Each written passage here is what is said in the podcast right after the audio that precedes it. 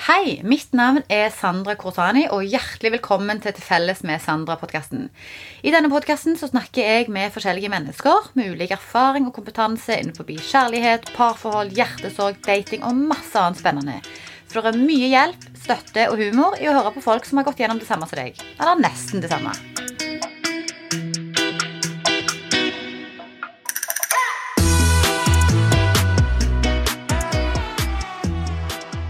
Halla. Hei, der gikk det. Hei, hei. Der gikk det. Endelig. Endelig, Etter mye om og men.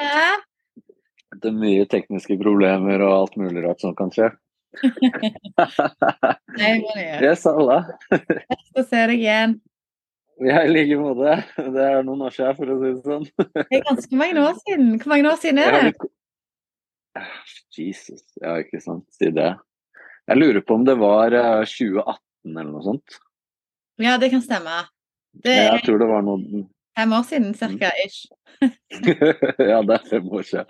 Ja, ja, det er ikke sant. Jeg har blitt litt kortere i håret, da, som du ser. Ja, litt endring har det vært, men ikke mye. Litt endring, Nei. Og du da, du har fortsatt eh, ser jo veldig ja. Ser, Jeg vet ikke, ser du meg greit her, eller? Ja, jeg ser deg kjempegreit. Ser du meg nå? Sitter jeg hjemme på kontoret siden studio er ute av drift. Nei, Ja, ikke sant. Nei, du har bare veldig mye sånn fint lys som kommer på deg, skjønner du. Så, men jeg ser deg, ser deg ikke sånn uh, veldig klart. Men uh, det går helt fint.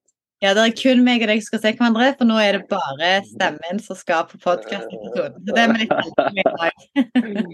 Ja, nei, altså, altså du, Det er bare det at jeg av ren erfaring så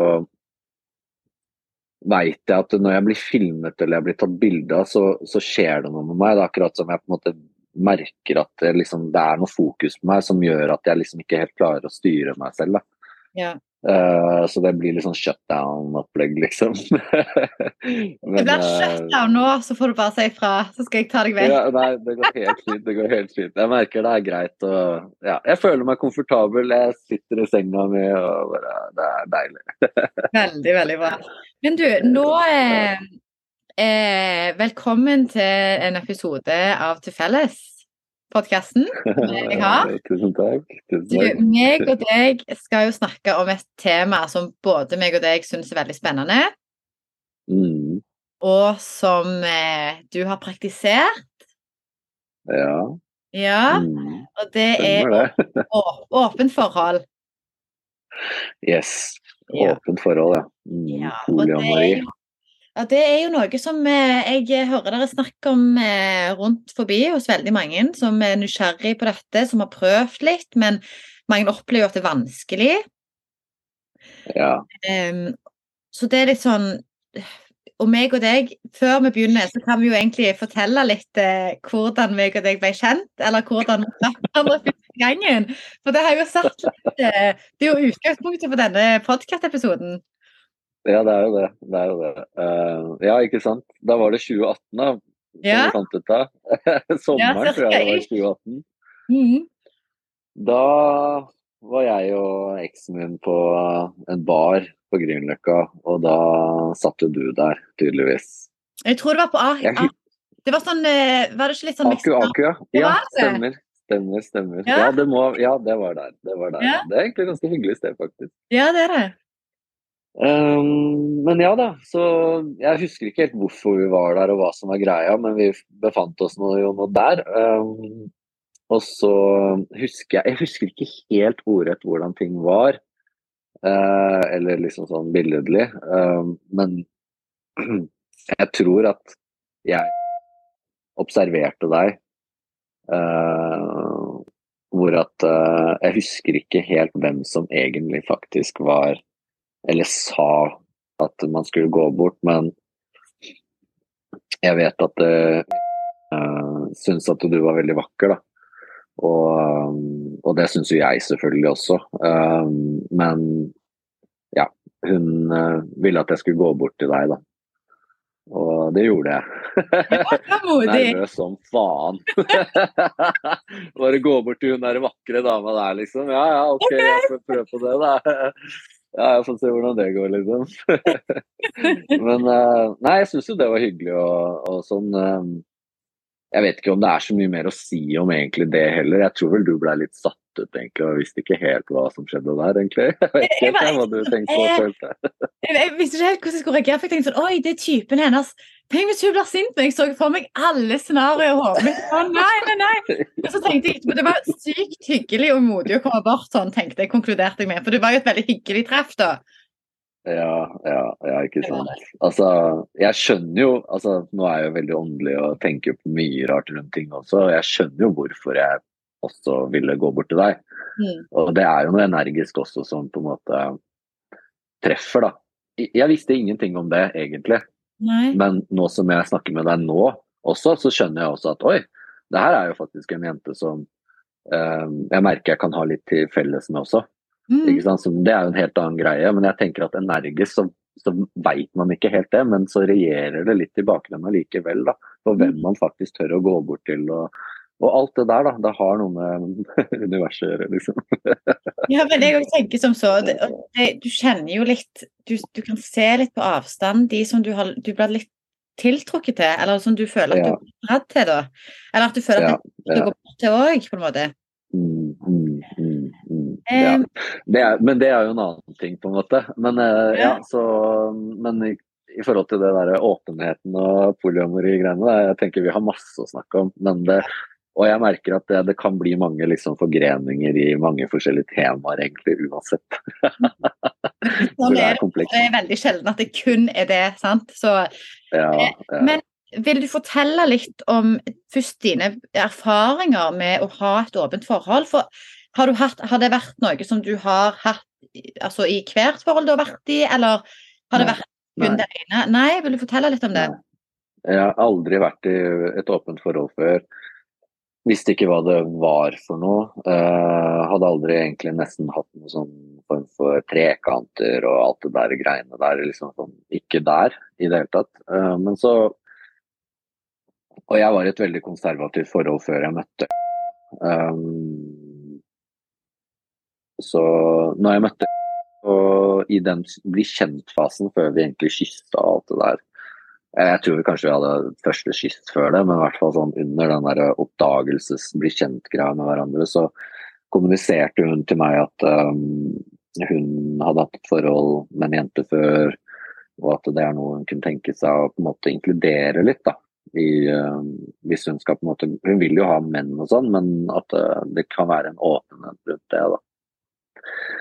Og jeg sto jo der og bare OK, liksom, hva er det jeg egentlig hører? Altså, Det blir litt sånn der mye på en gang, da. Um, når man ikke er vant til det. og men ja, jeg, men jeg var litt sånn ja, nysgjerrig og syntes ja, OK, greit, liksom. Jeg, altså, jeg likte jo henne såpass godt, og så var jeg såpass nysgjerrig og visste egentlig ikke hva det innebar. og sånn, Så ja, ja, OK, liksom. Mm det, måten det utviklet seg på, var jo det at hun tydeligvis liker å dele, da. Ikke sant. Så ja, eh, kommuniserte litt sånn når vi var seksuelle sammen og inn, dro inn damer vi kanskje hadde sett, eller hun hadde en fascinasjon av, inn i det seksuelle med oss. Og på en måte og da, da fyra det meg litt opp, da, ikke sant? Den tanken på at å ja, man er flere og liksom sånn men ego som faen. For altså Det er jo Hvor skal jeg begynne der? Altså det, for meg, da, for mange, tror jeg, og i hvert fall hvis man ikke er på plass i seg selv, som de fleste egentlig ikke er, så, så er det ikke veldig heldig å gå inn i en sånn egodominerende tilstand, på en måte. For det feeder jo veldig på ego, det å på en måte begynne å jakte på damer og og, og, alt det der, liksom. Når man ikke er på plass i seg selv, så skaper det mye trøbbel, føler jeg, da. Um, ja, men um, Jeg vet ikke om det var Hva var det du spurte om igjen? Om eh, det var liksom sånn nå husker jeg ikke spørsmålet ditt. det, var, det var svar på spørsmålet jeg spurte om du hadde hatt uh, din erfaring med åpent forhold. Men, men mm. altså, likte du å ha et åpent forhold? Altså, hva refleksjoner gjorde du mens du var i det, og hva refleksjoner har du gjort på en måte etterpå? Å, masse. Ja, det er så mye. Det er så mye. Altså, selvfølgelig, jeg, jeg um, Det er jo litt sånn komplisert dette her, for at jeg gikk gjennom en sånn åndelig oppvåkning kombinert med det å bli sammen og i tillegg til å da få den der åpenheten servert i relasjon, kombinert med åndelighet, var litt spesielt for meg, føler jeg. Fordi jeg ser jo verdien av å på en måte være åpen og fri, og ikke ha noe liksom sånn at man låser seg, eller uh, Ja, altså at man liksom skviser et forhold, man har mer åpenhet i det og sånne ting. Og frihet og, og alt det der. da, Så jeg på en måte prøvde å finne en form for åndelighet i det, som man fort kan kanskje se. da. Um, og ja, det er jo fint å på en måte oppleve nærhet i den sammenhengen der, føler jeg. Men det er rotete også. Altså, jeg er veldig delt i forhold til hvordan jeg føler uh, hva det har gjort med meg og for meg. da.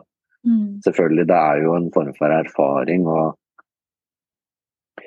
Jeg må nesten fortelle det, men det, det, jeg var på en sånn Osho-camp i India. og hvor at det, og han Osho er jo veldig kontroversiell og liksom blitt litt uthengt for å ha liksom sånn sex involvert i det åndelige og sånn, men hele poenget hans var jo det at uh, ego var veldig knytta til seksualitet. Og hvis man, klar, hvis man, ikke får utfoldet seg på det seksuelle, så vil det alltid liksom ligge noe og, og gnage litt på deg for at du ikke skal kunne komme inn i dypere meditasjon. Da. Det var på en måte det som var hele poenget der.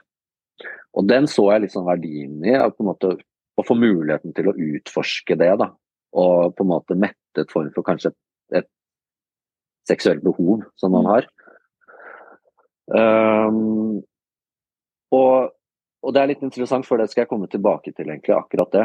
Men um, um, ja, så det å oppleve det med flere forskjellige folk er veldig interessant. Um,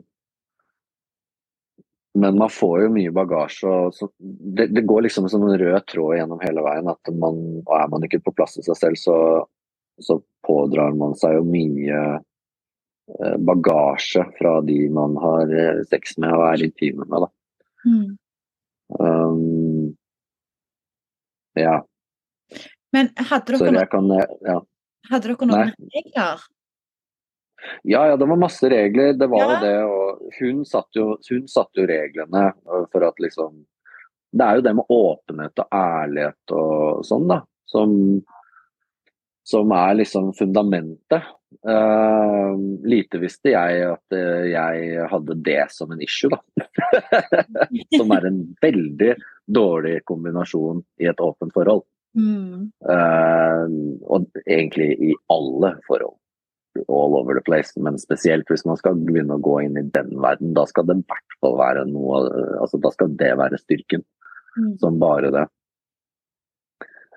Så for min del så var det jo mening med alt det som skjedde. Det skulle dra meg inn i en veldig mørk eh, del av meg selv, som jeg igjen skulle oppdage og på nytt for å rense opp i. da.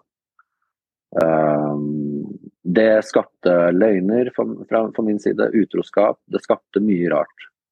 Uh, som jeg ikke er glad for i det hele tatt. Som jeg ikke um, er stolt av i det hele tatt. Og mange vil tenke sånn ja, men hvordan kan man gjøre sånn når man har den friheten og sånn.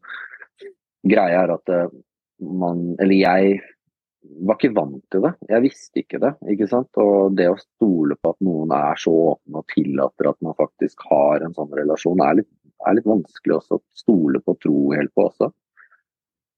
Um, så ja, det rota det til veldig for meg. Og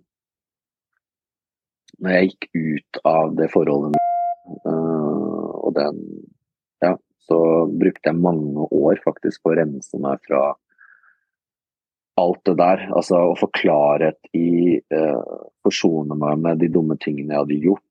Få forståelse for egentlig alt. Uh, men summen av det hele for meg handlet om at liksom, to, dro meg inn i min egen kjerne og egentlig hva som var viktig for meg, og hva det er jeg egentlig trenger. Jeg trenger trygghet. Jeg er monogam som bare det. fordi at uh, jeg tror ikke på at man skal blande seg energisk med veldig mange mennesker. Uh, men det handler om min personlighetstype. Jeg er en veldig emosjonell person. Og man har veldig mange forskjellige mennesker ut på de forskjellige spektrene. Altså, noen har litt mer snev av autisme, asperger og ADHD og alt det der. Og de er emosjonelle mennesker, de også, men de er emosjonelle på helt andre måter. Og for noen av de typene der, så tenker jeg at uh, en form for polyamori, uh, åpenhet, kan være veldig, veldig bra. Men for en emosjonell person som meg, så strider det, er det helt på andre siden av skalaen. Jeg er sånn helt én tantrisk, jeg vil smelte med én, og det er liksom Det er noe guddommelig i den der møtet med uh, en sjelevenn, da, tvillingsjel og alt det der. Så det er liksom det det dro med altså Det er der jeg havna da, etter alt det der. Men jeg hadde nok ikke havna så sterkt i det hvis jeg ikke hadde opplevd alt det der heller. Mm. Um, og en del av og granskingen har jo vært en del av det. ja, det er min reise oppi det polyamorøse, da. Um, jeg kjenner jo andre folk som på en måte har det annerledes med det.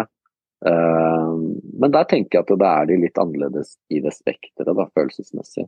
Mm. Hvor lenge var det ja. et åpent forhold? Det starta egentlig etter tre Vi var sammen i ca. syv år. Og etter det tredje året så bestemte vi oss for å på en måte inkludere andre, da. Uh, så det var typ nesten fire år da, med åpne forhold. Um, det var litt en blanding av mye rart. Det var mest utforsking med noen jenter som vi følte oss trygge med. Og så møtte jeg en jente jeg ble litt sånn betatt av, men og da prøvde vi liksom på en måte å smelte det sammen, oss tre, da. For vi hadde en sånn mission om at liksom vi kunne leve tre stykker, da. Mm. Uh, I en relasjon, og liksom få barn og leve som en familie sammen. Sånn. Uh, men uh, ja, nei, så jeg møtte det, men det funka jo ikke. ikke sant? Det var sånn, Jeg likte henne, men hun hadde ikke helt kjemi med Eh, og, og det, var, det, er mye sånt som skjer, da, at noen har mer kjemi, og så blir den andre, andre mindre kjemi. Så blir det liksom ikke en sånn der ordentlig god dynamikk i det, på en måte. Og da, jeg, jeg føler jo at da blir den ene liksom litt satt til siden og sånn, og det er liksom vanskelig med det med følelser og sånne ting. Så for meg så var ikke det så lett å navigere gjennom, da. Mm. Uh, og så endte det opp med at hun fikk seg en relasjon med en mann sånn helt på slutten av forholdet. Uh, og det var helt OK for meg også. Um, vi var liksom på en måte litt vant til det. Men her kommer det interessante. ikke sant? Det er sånn vant til det, og hvor er følelsene, og er man ikke liksom Man blir litt disconnecta, på en måte. da, Man blir litt disconnecta fra den derre uh, oss to-greia, da, på en måte. Uh, for man nærer ikke så mye på det og sånn. Ja, og så tenker jeg liksom tid, er man Går man over til utroskap når man har et åpent forhold? Ja, ikke sant. Altså For meg så var det at jeg møtte en jente som jeg ikke Eller som jeg jeg, jeg, klarte ikke helt å på en måte være ærlig om følelsene mine for henne. da. Ikke sant? Og da skapte det en form for sånn krasj i meg, hvor at jeg uh, ville finne ut av det uh, i tillegg til at jeg var sammen med henne, uh, og utelukke og kanskje utelukke å si liksom visse ord da, og ting som på en måte definerte hva jeg følte for henne og sånn. og fikk klar beskjed og regler ikke sant, om at hvis man møtes så så er det ikke noe seksuelt altså Det skal bygges opp noe trygghet og liksom det der og der. ikke sant? Men så skjedde det, da. ikke sant? Og så får man vanskeligheten med å si det. ikke sant? Og, og da er det jo en utroskap, ikke sant. Ja, for da hadde dere regler om, som sa noe om at dere skulle være i en relasjon over tid før man hadde et seksuelt forhold med dem, eller var det sånn? Ja. Ja. ja. Det kan være en, en, av, en av, greiene som, er, eh, som skjedde, da. Det var en av greiene som skjedde. Mm. Men var det sånn at du kunne date Altså uten at hun ble med? Og jeg, vi begge. Ja, okay. Så det var ikke sånn at det evolveres begge to, men at dere kunne gå på hver deres side og date andre? Yes. Ja. ja, men det skal være åpenhet og ærlighet rundt, uh, rundt alt, da. Mm. Og det var ikke så lett for meg, faktisk. Jeg er en helt annen person. Hun er jo veldig åpen og ærlig og sånn. Og mine syv år med henne har jo handlet om at hun skulle banke det skikkelig inn. Ja. Inn i systemet mitt. Ja, ja, ja, det er helt vilt. Jeg, hadde en, jeg satt en samtale med henne her om dagen, faktisk. og Veldig lang, lang samtale som handlet om alt dette her. Og mine skyggesider, da.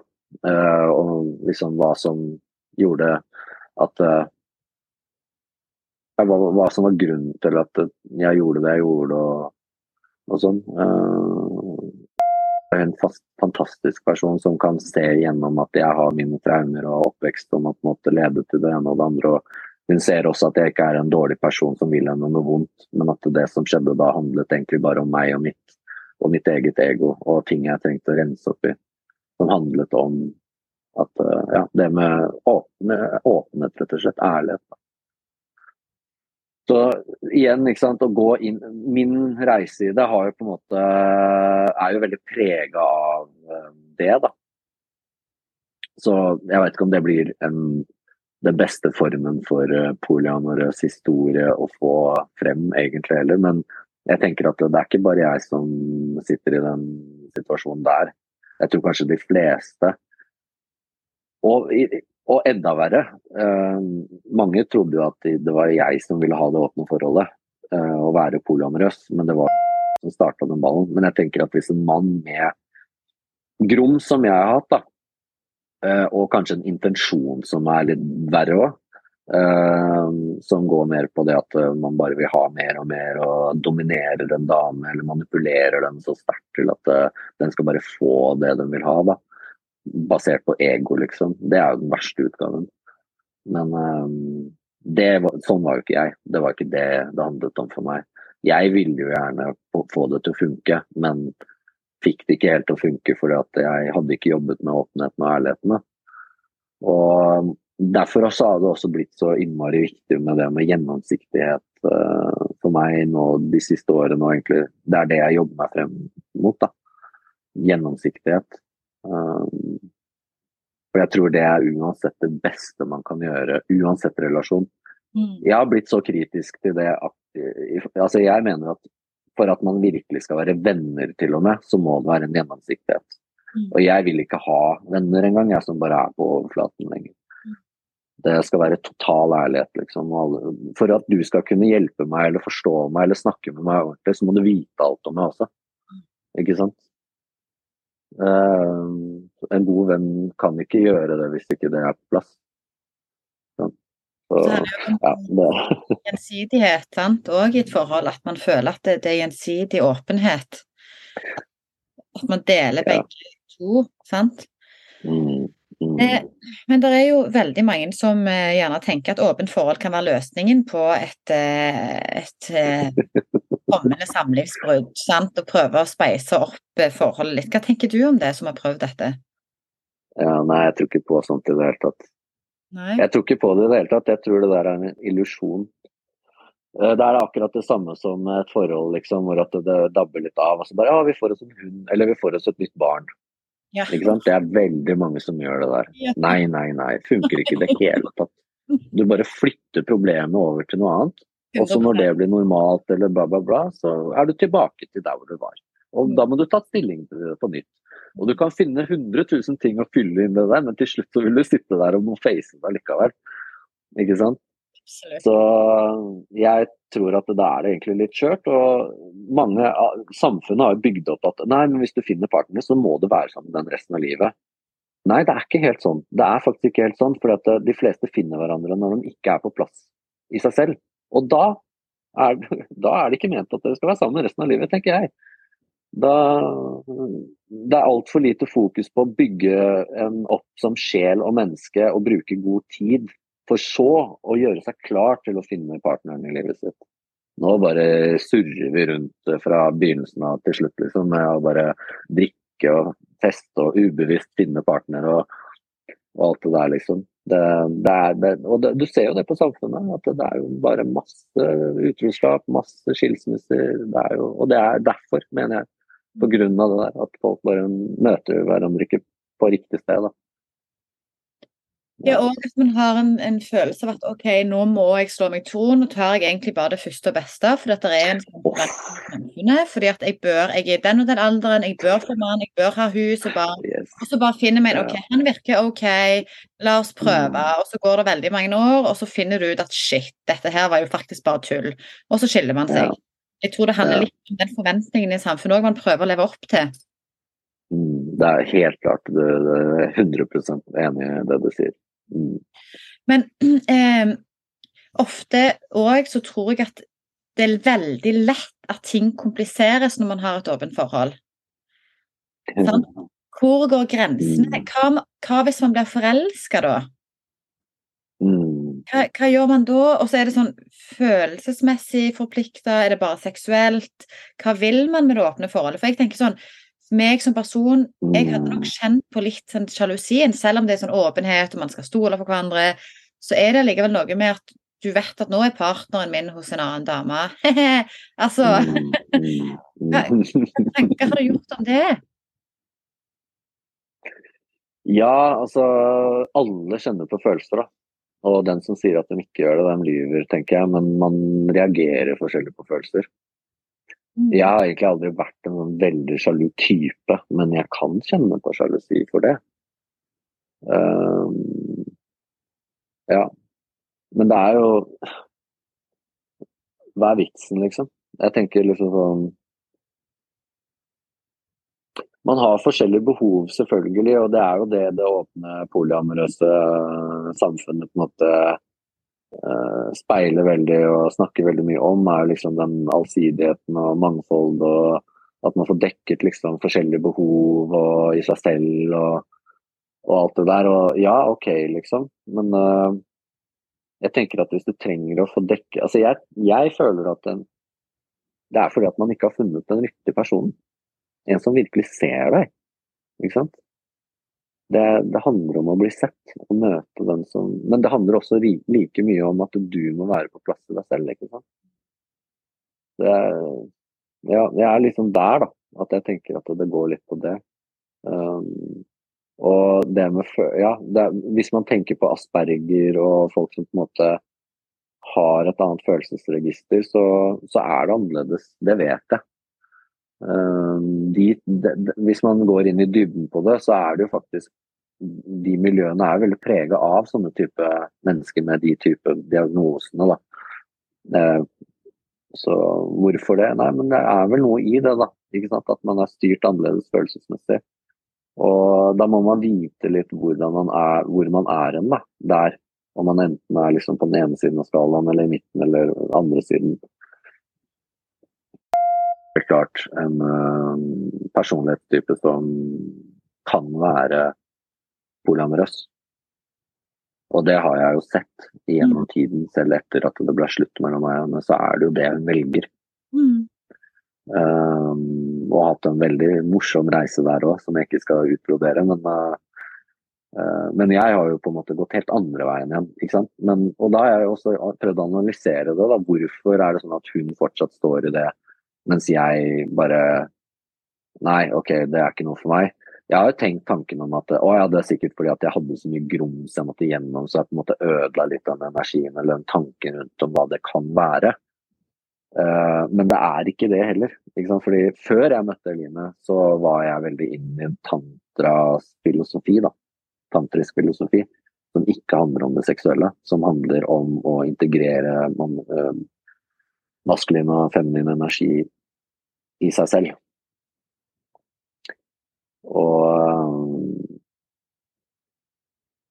det er liksom noe veldig sånn noe veldig vakkert føler jeg i det. da. Det å på en måte kunne dele det med én, som det også står liksom i kortene av at uh, For å på en måte kunne nå oppnå høyder seksuelt da, med en partner, så er det det tantriske og den der tilliten og den der energien der man kan skape sammen. Som jeg har opplevd før, som jeg tror veldig på. da. Og det drar meg veldig inn i det at ok, greit, det er det jeg vil ha. Det er der det som føles trygt. Det er der min sannhet ligger. Det er der min åndelighet ligger også. Mm.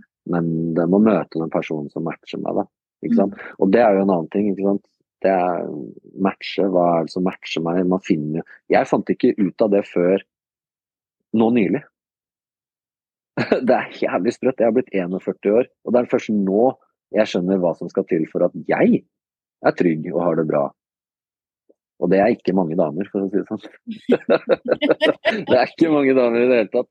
Jeg har nok med meg sjøl, liksom. Men jeg skal tillate meg selv å, å åpne meg opp for at det skal komme, kunne komme inn en, en, spesiell person i livet mitt. Da. Mm. Uh, ja. Mm. Ja, men Ja, jeg, jeg, jeg veit ikke om jeg er så god på dette podkast-greiene. Det er du. Men jeg bare deler. Jeg deler. Jeg syns du har så mange bra tanker, og så mye viktige tanker. Fordi, men det som jeg da tenker, er at min, altså når jeg har snakket litt med forskjellige folk som har hatt åpne forhold, så har det vært gjennomgående at det har vært sånn at de har kommet De har vært sammen i mange år, og så savner de spenningen i hverdagen, jakten i hverdagen. Og derfor så ønsker de åpent forhold, fordi de vil, de vil ha litt av det. Ja. Det var bra Ja. for dette. Ja, jeg tror ikke det er Der igjen, ikke sant. Så jeg tror at så måten jeg og starta det, er the way to go. Det er, det er måten man starter det. At det ikke handler om et savn. Det handler Eller så selvfølgelig kommuniserte at hun ønsket liksom en kvinnelig energi i, i sin relasjon og alt det der, og bla, bla. så det er en form for savn. Men det var ikke bare ikke sant? Jeg er jo fortsatt veldig forelska i hverandre, og vi var veldig liksom sånn Vi hadde det jævlig bra sammen. Og, og ut av det så kom liksom det, da. Og det er i hvert fall et veldig godt utgangspunkt, mener jeg. da. At man går inn i det i glede, og at man ikke ønsker liksom forandre altså På den måten at man har det kjedelig sammen, man trenger å spice det opp, liksom. Det, med en gang man begynner med det, da er det feil, mener jeg. Da er det sånn da, da er det, det er ikke sånn man skal begynne noen ting som helst. Det gjelder alt, egentlig. Det er sånn der, jeg mener, Den energien uansett hva du putter i, er jo bare halvveis og egentlig jævla teit, liksom. Du skal jo virkelig ville det og digge det og bare sånn ja, second best eller settle for less og alt det der. Nei, nei, nei. nei. nei. Men hva tror du målet bør være med å ha et åpent forhold? Hva tror du er viktig at et mål er? Jeg tror det er ja, eh, jeg tror målet er forskjellig for mange, men jeg tror eh, viktig med det er jo trygghet og åpenhet, da. Altså, mål, mål, ja. mål er vel å skape en form for harmoni for dem selv, da, de som ønsker å ha det. Altså, jeg tror målet er egentlig å få dekt ego, egoet sitt, på en måte, egentlig. Jeg tror det det er, og den vil ikke erkjenne det. Man vil ikke erkjenne at å ja, men det, det blir liksom sånn man opererer i et lavere bevissthetsnivå. Fordi man å ja, men jeg trenger det, jeg ønsker det, og jeg er sånn og sånn. og uh, ja, da må jeg ha alt det der for at jeg skal ha det bra, liksom. Det er så langt vekk fra min åndelighet, da. For min åndelighet handler om at hei, jeg kan ha det bra med ingenting. Ikke sant. Så ja, jeg tror det er at man opererer på et lavere bevissthetsnivå for å feede egoet sitt, egentlig. Men den der tror jeg mange polyamorøse mennesker ville slakta meg for å si, faktisk. Ja. Ja, ja, ja, er du gæren? Men jeg tror ja. Det er ikke kjærlighet å ikke eie. Mm, ja. Ikke sant? Ja, altså kjærlighet å ikke eie, ikke sant. Men jeg mener, man må ikke eie noen selv om man er sammen med noen for det. Nei, men hvis Det handler, for jeg tenker at de som er litt polyamorøse og sånn, de tenker sånn ja ja, men jeg vil ikke eie noen. Men man må jo ikke eie noen for det. Ikke sant? Det handler jo om noe helt annet. Man legger et negativt ord på det og, og altså, man på en måte lager en dårlig Eller sier til seg selv da, at uh, å være sammen med én, det er den dårlige varianten. Mens å være åpen og polyamorøs, det er den gode varianten. Det er ikke, bare, det er ikke så svart og hvitt, ikke sant. Jeg mener, det å være med en person, det, det krever utrolig mye trygghet og styrke og kjærlighet. Altså, det er jo enda heftigere, liksom. Og mer solid, liksom. Ja. Så det er sånn Nei. Ja, man kan lure seg selv og tenke de andre tingene, mener jeg, men nei. Nei, man er bare ikke sterk nok og bevisst nok, tenker jeg. Nei, for det, det, krever jo mer arbeid å jobbe sammen med én person, sant, og, og klare det. Å gå gjennom alle de sesongene av et forhold som det er. For det er jo bare, det er ikke bare én sesong, det er jo opp og ned, og det er vanskelige tider. Um, og, og, og det, det, er ikke bare bare det heller. Samtidig så er det jo mange som sikkert òg sier at hvis du elsker noen så høyt, så vil du ikke sette begrensninger for den personen. Så hvis, den andre, hvis vedkommende da har, har, lyst til å date andre, så, så, tenker de gjerne at da skal han få lov til det. Sant? Ja, ikke sant. det er komplekst. Da blir det komplisert. Hvis det ja. ja, for man vil unne jo det. Men da tror jeg altså, Det handler bare om ærlighet igjen, da, gjennomsiktighet. ikke sant? Hvis da den andre personen egentlig ikke liker det, men vil gi partneren sin friheten og 'jeg elsker deg', og da går det på bekostning av deg selv. Nei, du må være ærlig. Men da er du redd igjen, ikke sant. Oi, ja, da mister jeg det mennesket. Ja, men da må du være sterk som faen, ikke sant. Og stå på dine verdier. Og det er ikke lett, ikke sant. Du har kanskje masse barn og hus og hytte og økonomiske greier og Altså, du, du vet jo ikke, ikke sant. Men, ja, det, men det er den der, der jeg digger. Det er den jeg jobber med. Det der elsker jeg, det, og at jeg har kommet dit hvor at jeg vil være i akkurat det der. Det der. Å stå i de der, de der vanskelige, tricky greiene og, og, liksom ja, endre det og liksom kaste bare masse fint lys i det. Og, ja. Mm. Ja, nei, det, det, det, bare treffer meg skikkelig. Og mer og mer jeg snakker om det, om den siden, den ikke-polyamorøse delen av meg, jo mer eh, verdsetter jeg det og forstår det og styrker det meg også, på en måte. Ja. Selv når vi snakker om det nå. Ja, og det er jo veldig fint å ha opplevd det sånn som du har opplevd å bli etterkant så tydelig på at det, det ønsker du ikke å ha. For da vet du, at, da vet du hvordan det er å ha det. Ikke sant. Ja, det er akkurat det at jeg har vært gjennom jeg, jeg, ser liksom på livet mitt som at det, jeg har vært gjennom en sandwich av lys og mørke. At det, det har vært lyst fra fødselen ikke sant? og barn og alt det der. ikke sant? Og så kom det en haug med mørke, og så er det liksom lys på enden. da. Jeg tenker Det er liksom story of everyone's life, egentlig, på en måte litt. Men um, Spesielt på de tingene jeg har opplevd. Da. Og det å komme fra å være monogam til å prøve ut dette her veldig ekstremt, altså sånn skikkelig tro på det. Fra å liksom falle veldig hardt i det. Fire år med åpent forhold, det er ganske lenge? Det er lenge. Det er lenge. Ja. Det, det, er kjempelenge. Det er um, Det var um, hva skal man si, det var liksom sånn rykk og napp. Det var ikke bare liksom fire år med masse greier. Det var jo liksom pauser imellom der òg. Men, uh, men, det var jo ja, mye, og det er jo ganske lenge. Og jeg brukte mye tid på å granske det og finne ut av om det er rett, hvordan det skal gjøres rett. Uh, men jeg kom aldri i mål, fordi jeg hadde jo ikke rydda opp i meg selv. ikke sant? Og, ja, det er det.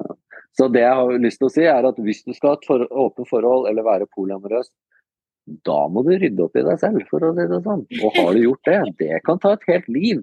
Har du så god tid, da?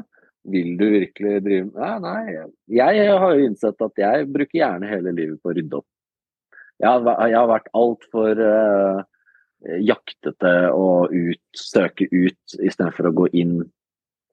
Det, ja, så nå er veldig fornøyd med det, da. Så bra. Mm. Du, jeg, eh, tiden går. Jeg skal legge på, så ringer jeg deg opp igjen, OK? Mm, det kan du gjøre. Det er sånn eh, to minutter igjen før jeg må upgrade. Jeg kan ikke upgrade, så jeg ringer deg tilbake igjen. Greit, det. Greit, det. Ja da. Nå rekorder jeg. jeg skal jeg trykke Gareth eller Liv? Ja, Gareth, ja. Ok, greit. ja, nå, nå, begynner det å rekorde, litt eh, seint her. Men ja, vi snakket om eh, farsikker, og så har du så mye bra her. Eh, jeg gjorde det. hvordan, altså eh, Hva som skal ligge til grunn for at noen skal klare å ha et åpent forhold? Ja. Og det er jo den åpenheten og ærligheten, selvfølgelig. Uh, men det jeg nevnte litt, som kanskje ikke kom helt med her nå, var at uh, kvinner trenger ofte et samhold da, med andre kvinner. Mm. Og det er derfor du ser at det er liksom sånn, litt sånn hippie-greier med sånn woman, sacred womanhood og uh, woman circles og sånne ting. Og, og sånn stammedelen i oss, da, urdelen i oss, på en måte kommer fra noe helt annet. Da satt vi gjerne i communities hvor mennene var gjerne ute og jakta, kvinnene var gjerne hjemme? Og var sammen. Og det har vært en sånn greie i all tid, skjønner du. Og jeg tror kvinner savner litt det. Mer det kollektive. Stamme ja, ja. og kollektiv og føle at du er en del av noe, tror jeg mangler i vårt samfunn. Og det kan være en av grunnene til at vi tekkes til å ha mer enn én en samlivspartner. Fordi vi har mista yes. det komplett i dette samfunnet her. Yes. Ja. Ja, ja. Så samfunnet er jo med på en del av den forvirringen, ikke sant? fordi ikke vi har lagt til rette støtte for sånne ting som var naturlig del av samfunnet før. Ikke sant? Jeg tenker veldig på indianerstammer og sånn, spesielt. ikke sant? Hvordan det var da og sånn. Det var helt fantastisk hvordan de styrte samfunnene sine. ikke sant? Hvor, hva, som, hva, skjedde underveis, liksom? Hvorfor kan vi ikke ta mer av det, da, mener jeg. Uh, og ikke bare dem, det er jo egentlig sånn urkulturer, på en måte, hvor at det er litt sånn. Hvor at det handlet om at menn Og derfor også er tantra liksom litt sånn uh, viktig her, mener jeg, sånn, hvis man på en måte skal kunne på en måte forstå det der og gå litt dypere inn i det der. Um, det å forstå den feminine energien og den maskuline energien og dens roller krasjer helt med feministene der ute. ikke sant? Det er sånn 'Å nei, sier du det, liksom? Vi, det går jo ikke', liksom. Men hei, vi er faktisk forskjellige. Vi har forskjellige energier. Og selvfølgelig ikke alle kvinner skal sitte og strikke og drive med blomster og lage mat, liksom. Selvfølgelig ikke. Men det er faktisk generelt det kvinner vil og burde gjøre, faktisk. Og, og den får belønning av å nære på det òg, fordi de nærer på sin kraft. Kraften til kvinner er ikke maskulinitet. Og det har samfunnet begynt å blande noe jævlig med. Nei, sorry språket, ass. Og USA da, med det der transegreiene. Ja, det er et helt annet topic, faktisk. Men ikke sant, hvor, hvor langt det har gått, da. Ja, og det, vet du hva, dette her skal jeg lage en egen podkastepisode om, for det er noe som brenner veldig Jeg skal være med på den.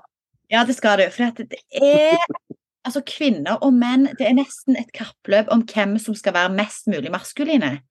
Mm. Det er ikke som om vi lenger anerkjenner at det er to ulike energier, men som trenger hverandre. Det blir mer en sånn konkurranse om hvem som er likest, og vi blir aldri like. Vi er like mye verdt, selvfølgelig, men vi er, ikke, Mm. altså, vi er aldri likestilt i den grad at vi har like oppgaver og like altså, energier. Og det tror jeg er veldig Mm. viktig å anerkjenne på alle arenaer. At vi er ulike. Vi har ulike behov. Kroppen vår er biologisk helt forskjellige. Mm. Det, det er noe som jeg ah. Wow. Ja, OK, jeg tror vi treffer en nerve begge to der. Ja, det tror jeg òg. Jeg, jeg, jeg kaller meg selv feminist i den grad at jeg dyrker kvinnekroppen og den kvinnelige energien Ja, Uten ja.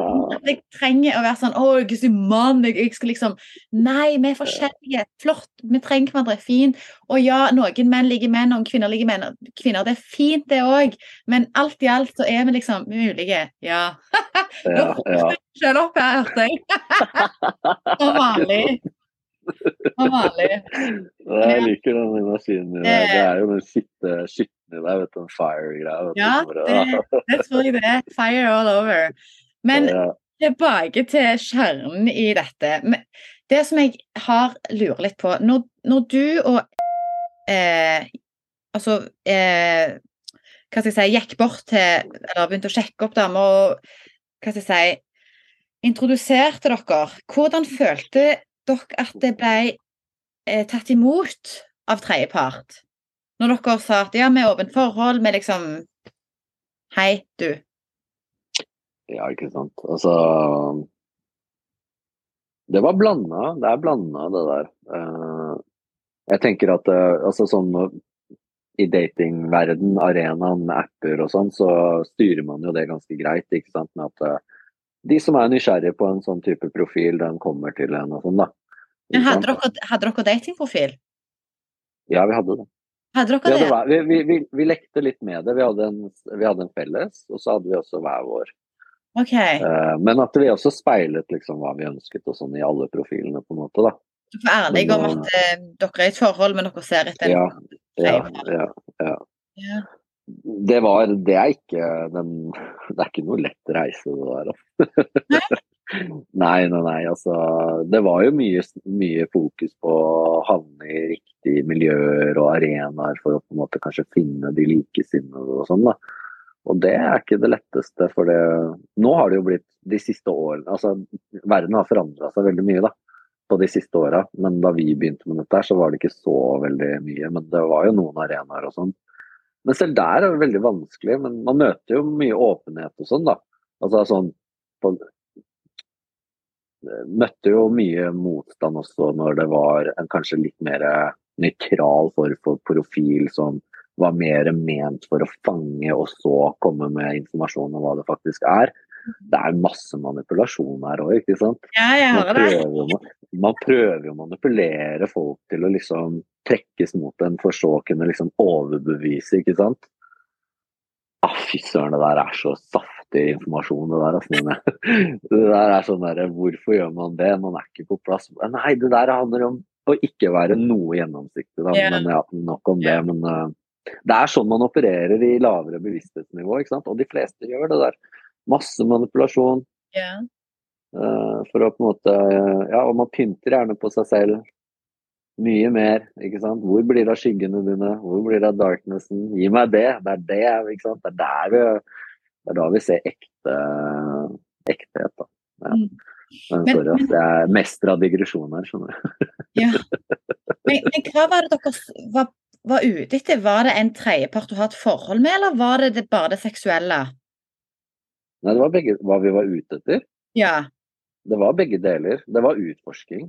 Men Ja. det var det, det, det kom veldig fort frem at eh, vi begge ønsket liksom å bo eller finne en vi kunne skape et liv med, rett og slett.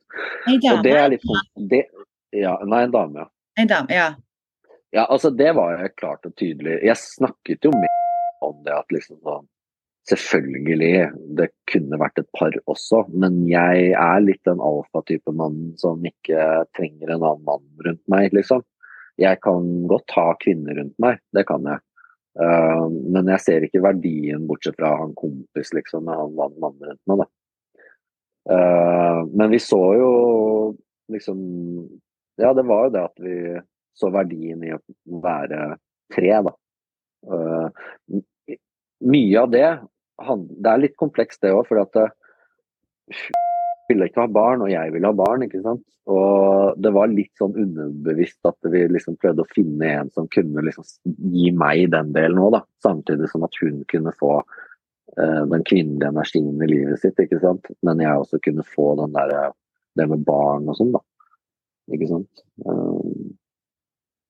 Så det var derfor vi så noe fint i det, da. Og jeg så også noe veldig vakkert i det å, måte, at to kvinner kan leve sammen og oppfostre barn sammen. og Jeg syns jo det er veldig fint. Det er ikke noe stygt i det, liksom. Det er veldig Uh, fint, det, det som vi snakket litt om tidligere, det er jo veldig fint med det kollektive.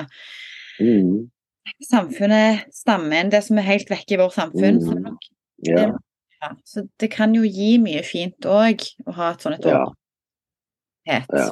Mm.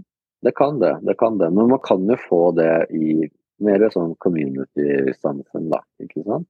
Mm. Man skaper det litt selv. og Man må ikke nødvendigvis det heller. Man kan jo leve som sånn to konvensjonelle mennesker som har liksom konvensjonelle liv, og alt er liksom helt sånn vanlig. Og, men at man da fyller Man har gjerne kanskje et veldig berikende familieliv da, som er fullt av mange barn og mye, ikke sant. Så det blir en community. Man har søstre, man har kusiner, ikke sant. Man har store familier. Man har kanskje et stort nettverk, vennekrets, som har litt den dynamikken i seg selv.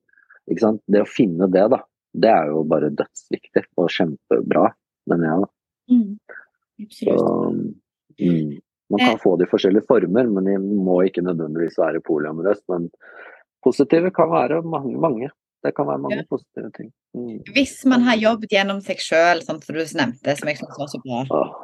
Ja, ja, det er ikke Hvis sant. alt ikke er til grunn, og hvis tryggheten er i deg sjøl, så er det godt grunnlag for å klare å ha et åpent forhold, med andre ord.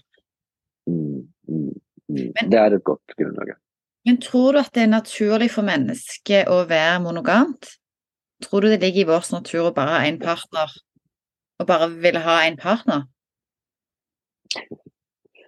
Ja, jeg tror det. Tror du? Ja, jeg tror det er in the end. Jeg tror ikke det handler om at uh, man skal finne den monogame partner, eller være monogam med en gang. Det tror jeg ikke. Jeg tror at vi har uh, masse utforsking å gjøre før vi kommer til det punktet. Eh, og det er eh, det samfunnet feiler litt, og på en måte egentlig tykker litt sånn vekk om at eh, For da blir det veldig sånn hedonistisk, ikke sant. Alle skal liksom ha masse sex, og man skal bare prøve ut masse partnere og liksom sånn.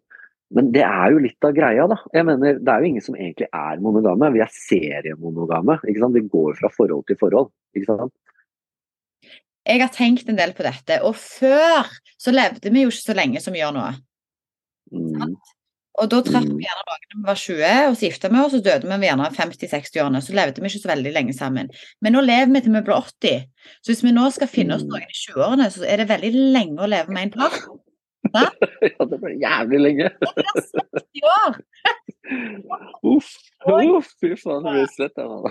Jeg tror at vi òg er lagd for å være monogame, men delvis Altså sånn i sesonger.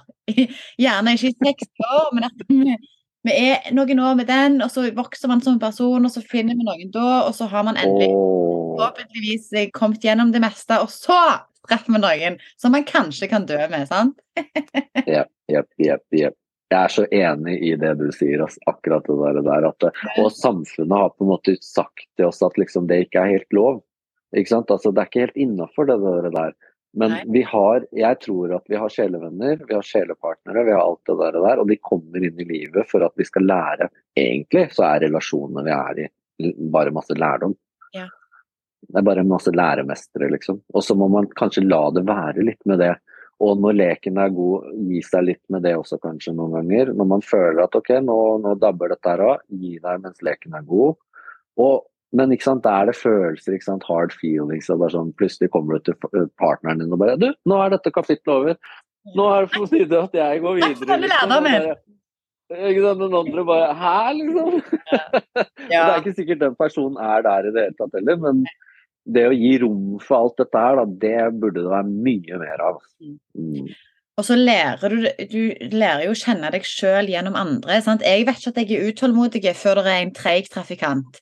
Sant? Jeg vet ikke er en som gjør meg sjalu. Så du, du, du vet jo ikke hvem du sjøl er hvis du ikke har noen andre rundt deg. Så jeg tror òg på dette med at du lærer deg å kjenne i forhold, og du forhåpentligvis tar lærdom av det du har gjennomgått, for så å ikke gjøre det igjen. Mens noen går jo i samme mønster gang på gang på gang på gang uten å lære eller ta lærdom. Og det er jo Mm. veldig trist. Yes, yes, yes, yes, yes. Altså, alt dette vi snakker om nå er veldig det er liksom, liksom egentlig manual of life, på en måte, litt, da. På en måte. Eh, som vi ikke helt eh, har fokusert på. Vi er liksom Fokuset i samfunnet er på en måte et helt annet sted, da. Uh, Syns det er skikkelig kult at du deler uh, Jeg føler på meg at du deler liksom samme tankesettet. Ja. Og litt sånn måten å ja, Ja, tenke så rundt ting på sånn. Det er gøy. Ja, og så tror jeg òg at Mm. samfunnet er litt sånn at hvis det blir, et forhold blir slutt, så føler du deg nesten som mislykka fordi at det forholdet ikke gikk. Mm.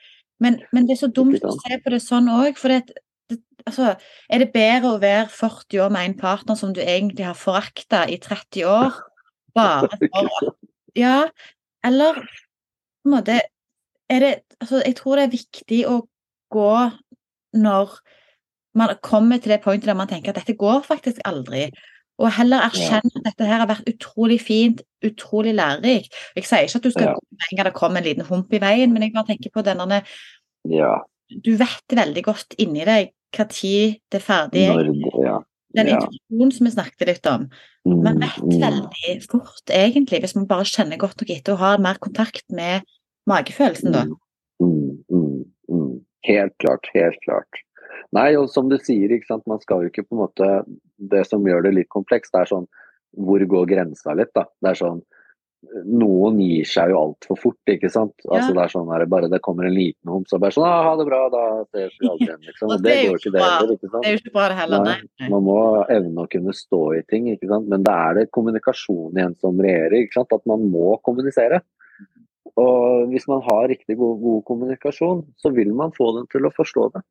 Da klarer man å få partneren sin til å forstå at det ikke handler om at eh, man unnviker eller, ikke, eller bare ikke tåler å stå i noe.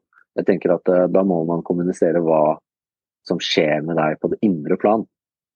Ikke sant? Og jeg mener hvis, man skal, hvis det er en issue, så er det jo en issue å snakke om som gjelder et par. da.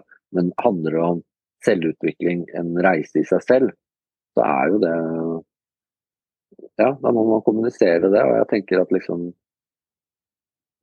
Det burde være rom for det, da. Og ikke kjenne på man vil holde igjen på det heller. ikke sant? Sånn, det er jo det vanskeligste, tenker jeg, da, hvis man sitter på den andre siden.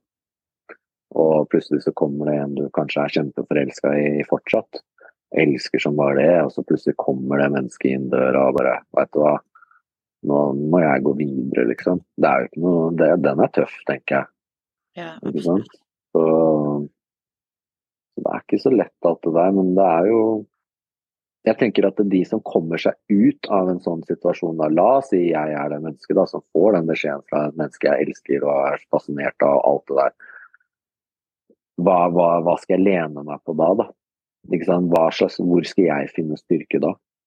Da må det jo være på de tingene vi snakker om. Mm. Om at eh, shit, jeg må la det mennesket gå videre fordi at det er en større mening. Og hva betyr unconditional love?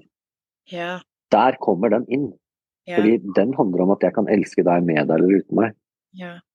Ikke sant? Jeg kan gi slipp på deg i kjærlighet Mm. og forstå.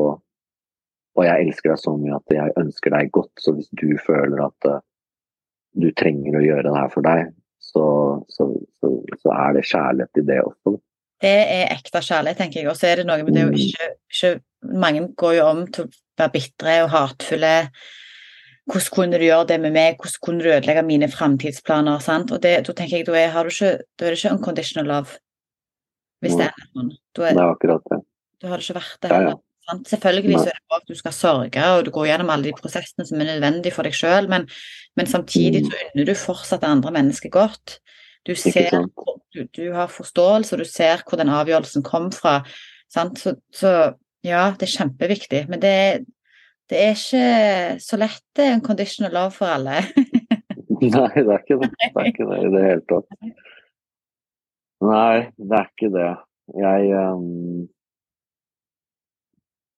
jeg har, jeg har liksom på en måte lært Det er noe som også har kommet til meg nå den siste tiden, er den der unconditional love. Jeg ble kjent med ja, Det er en historie jeg kunne tenke meg å fortelle deg. Jeg vet ikke om det her blir veldig sånn ut av det greiene, men, men den er liksom sånn ehm, Den er ganske spesiell å kjenne på, fordi nettopp en jente Veldig fascinert av henne og veldig sånn gøy og, og sånn. Ehm, og så merker jeg at liksom hun Eller en følelse jeg aldri har kjent på sånn så godt før, da, er liksom at jeg er veldig glad i det mennesket uten å egentlig være seksuelt tiltrukket av henne. Som venn, da. Mm. Og det er sånn derre Wow, OK, går det an, liksom? det er liksom hun er jo en veldig pen jente. Mm. Går det an å være venner med henne, liksom? Ja, må det ikke være noe seksuelt? Nei. Men det handler om at jeg har jo skjønt hva jeg trenger. Jeg trenger jo trygghet og blir, jeg trenger mange andre ting som hun egentlig ikke kan servere meg. Eh, og jeg må jo være ærlig på det. Jeg kan ikke bare bli sammen med eller hooke opp med en jente bare fordi hun er pen. Mm. det må jo være noe innhold der her. Men-. Ja, men fortsatt så er det den der følelsen av å liksom bare sånn Å, wow, jeg har sånn skikkelig sånn omsorg, da. Og, og tappa litt sånn inn og ut av det å være litt sånn betatt og forelska, men egentlig skjønt at det er ikke det heller, og alt det der. Men det er bare en sånn underliggende god kjærlighet til henne, da. Ja. Der kjente jeg på den unconditional love-biten. At eh, jeg trenger ikke å måtte ha henne eller ha det. Det, det er fine, liksom. ja. Det går an å føle det for motsatt kjønn uten at det trenger å være noe seksuelt. Det gjør det. Det gjør Det det. gjør det. Ja, det gjør det. Men da må du være litt på plass i deg selv. For det er veldig mange som sier at nei, mann og kvinne kan ikke være sammen. Fordi at det vil alltid være den ene parten som vil være mer fascinert av den andre. Som vil skape en skjevhet. Ja, Mange mener det. ofte så, er, så skjer det jo på et eller annet tidspunkt en skjevhet. Ofte Mm. så er det en, altså Det kan godt være at den ene parten fint klarer å være venn, men så skjer det av og til at den andre parten da ikke klarer det over tid. Så det kan jo Mm. kompliseres. Men hvis begge to er på samme bølgelengde når det kommer til det, så går det jo. Mm. Ja, det er jo akkurat det. Det er jo Mm. akkurat det, men der er det litt sånn Det er litt tricky, det der greiene Ja, det er, det er ikke bare bare det heller. Vennskap eh, på kryss og Mm. tvers av eh, mm. Ja, men det er faktisk mange sliter litt med det, liksom. Fordi at eh, La oss si man Det er et veldig vakkert menneske der, da. Foran deg. Mm. Og så har man veldig god kjemi, til og med. Mm. Så kan jo det begynne Så begynner man automatisk å analysere og liksom bare sånn komme litt nærmere på det, da. Og sånn Oi, passer det mer enn meg? Men liksom det å bare la det liksom litt være litt, da. At å ja, men det er en person som ser sånn ut, men vi har kjempegod kjemi og alt det der, bla, bla, bla. Men ja, og det er det. Mm. Liksom, går ikke det, liksom? men mennesker har jo veldig behov for, for kontrollere, kategorisere og Ja. forstå ting. Og, og, og, og vi er jo veldig sånn, vi har behov for å vite hvordan det vil se ut om noen uker, noen år og noen måneder. Er Ja. Derfor har det behovet for å vite hva er ting, hva er dette. sant? Men det er så Mm. viktig sånn som du sier, å bare la ting bare være som det er, og bare Mm, se. mm, ja, Og ja. er det kontrollbehovet som vi ofte har. Ja, det er akkurat det. Og jeg er jo veldig sånn Jeg er jo fan Jeg tenker jo liksom sånn Altså nå er jeg veldig i den energien, fordi jeg har nettopp oppdaget litt av dette her. Men selvfølgelig, man må jo være åpen liksom. Og jeg føler at jeg må også være åpen for å inkludere en partner i livet mitt også, men så er det sånn det, Jeg har tenkt masse på det de siste årene, for at jeg, jeg, jeg ble egentlig sammen med en veldig syk jente en veldig syk jente. Altså hun er innlagt, og hun, hun, altså den historien er ganske grov. da. Med vold, og hun angrep meg, og psykologisk terror. Og hun har jo diagnoser til og med, ikke sant? som går på liksom, personlighetsforstyrrelse og kanskje kompleks PTSD, og kanskje til og med noe snev av schizofreni. Eh, og når du blir forelska i et sånt menneske, så er du skjørt, faktisk. Ja. Jeg ble skjørt. Jeg, jeg ble helt ødelagt. Jeg har vært ødelagt um, av henne de siste tre årene, to årene. Jeg møtte henne et år etter Eline. Og det, det var helt kaos for meg. Og, men dødsviktig. Kjempeviktig å oppleve det også. Ja, ja, ja. Alle disse personene som kommer inn som det, det er der man lærer hardt, og det er der man lærer best. Så Det er egen erfaring. Ja, det er de forholdene som er mest intense, der man lærer mest av, altså. Om seg selv. Og det Ja. å gå inn i seg selv og tenke hva er det som Hva var det med meg? Hva er det med meg som gjør at jeg Ja. gjør dette? Sant? Mm, mm, Hva, hva, mm. hva eh, behov er det jeg ikke får dekket som gjør at jeg går til disse menneskene og, og gidder Ja. stå i dette over tid og bli trødd på emosjonelt, fysisk, psykisk. Sant? Du, du Ja. begynner jo Og hvis du ikke går inn i deg sjøl, så vil jo dette mønsteret bare gjenta seg over tid. Ja, er så viktig å reflektere og plukke bitene fra deg sjøl sammen og se på deg Mm. sjøl og tenke For å forebygge at det skjer igjen. For det er så draining Mm. sånne forhold. Virkelig. Mm, ja, ja, det ødelegger han. Og det har jo også fått meg til å innse at jeg kan ikke bare hoppe inn i, i, liksom sånn blind love, liksom. Må ikke vite hva slags menneske det er, egentlig. Og det har jo også fått meg til å føle at ok, men jeg, nest, den personen jeg skal ha i inn i livet mitt, den skal jeg kjenne, den skal jeg være venn med, nesten. Ikke sant? Jeg må vite, og jeg må ha trygghet og alt det der. Så det Ja, ikke sant. Men det utelukker jævlig mye, da. Det er sånn derre 41 år, ganske voksen, ikke sant. Er litt sånn isolert type, er ikke noe festete, er ikke sånn veldig sosial. Liker liksom å være liksom sånn datingapper. Hvor, hvordan blir det man kjent med en eh, person over lang tid med datingapp f.eks., eller et sånt type liv? Det er ikke så lett, det der. der. Ikke det.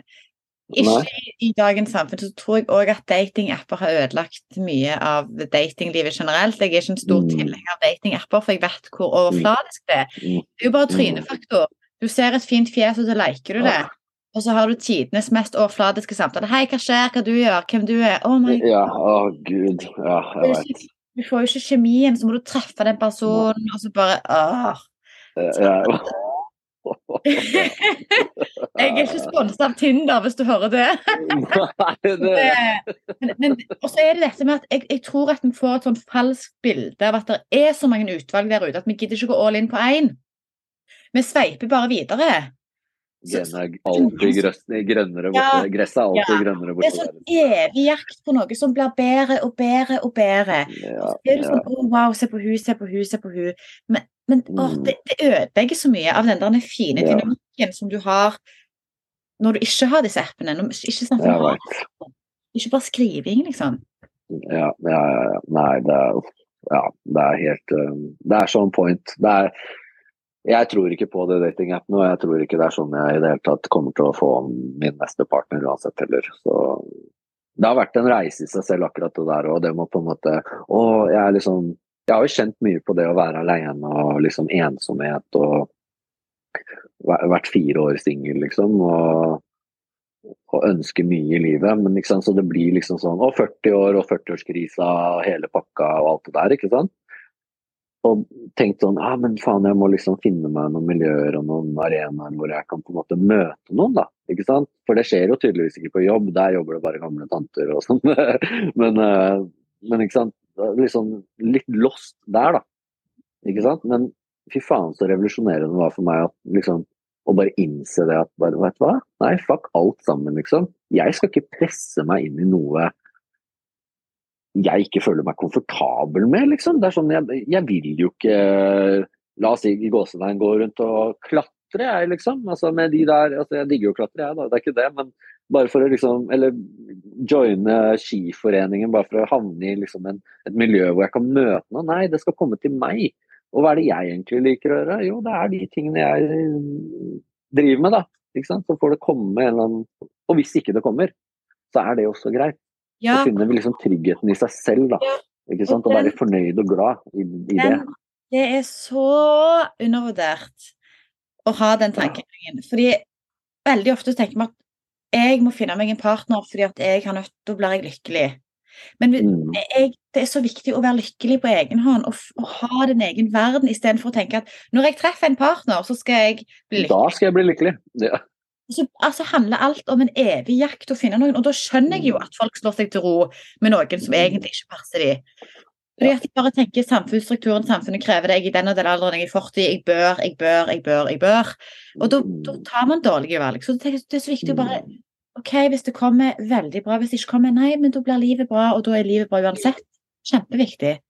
Sånn tenker jeg. Viktigst. Viktigst. Det er bare så bra.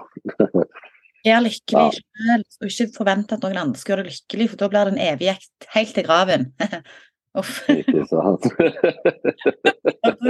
Å, ja, det, det, det gidder jeg ikke, liksom. Nei, nei, nei. Åh, nei, jeg skal ikke stå der på dørterskelen og bare ja, fy faen, jeg kasta bort livet på det, liksom. Ja, det er, livet ja. handler om så mye mer enn det. Det, det gjør det. Det gjør det. Jeg Men, hører jo at du også har liksom Du har jo opplevd mye Jeg må le. Du bare Jeg har, vært, har jo tusen relasjoner, liksom. Nei, jeg har ikke hatt tusen nå. Tusen forhold. Okay, jeg, ja. ja, jeg, har, ja. jeg har hatt en del eh, forhold under beltet, jeg òg, for å si det sånn. Eh, men, men jeg har reflektert litt over det sjøl, men det som jeg har kommet fram til, er at forholdene Det har ikke vært egentlig et sånn mønster, og det er jeg glad for at det ikke har. Okay. jeg tenker Hvis det er et mønster, så betyr det jo at du ikke tar lærdom ofte. Mm. Det har vært litt sånn forskjellige typer forhold. Men eh, ja, jeg har vært ja. Det siste forholdet jeg var i, var ikke så veldig sunt sånn psykisk. Så det lærte jeg ekstremt mye av. Jeg tror aldri jeg har lært det veldig kort, men det er veldig intenst. Og eh, ga meg sinnssyk innsikt. Det skal vi snakke om. At jeg ikke blir det. Så skal jeg fortelle deg mer om det når jeg ikke er live, for det er liksom ja, det, Å, nå ble du Så jeg kan Nei, nei, jeg var tullende. Ja.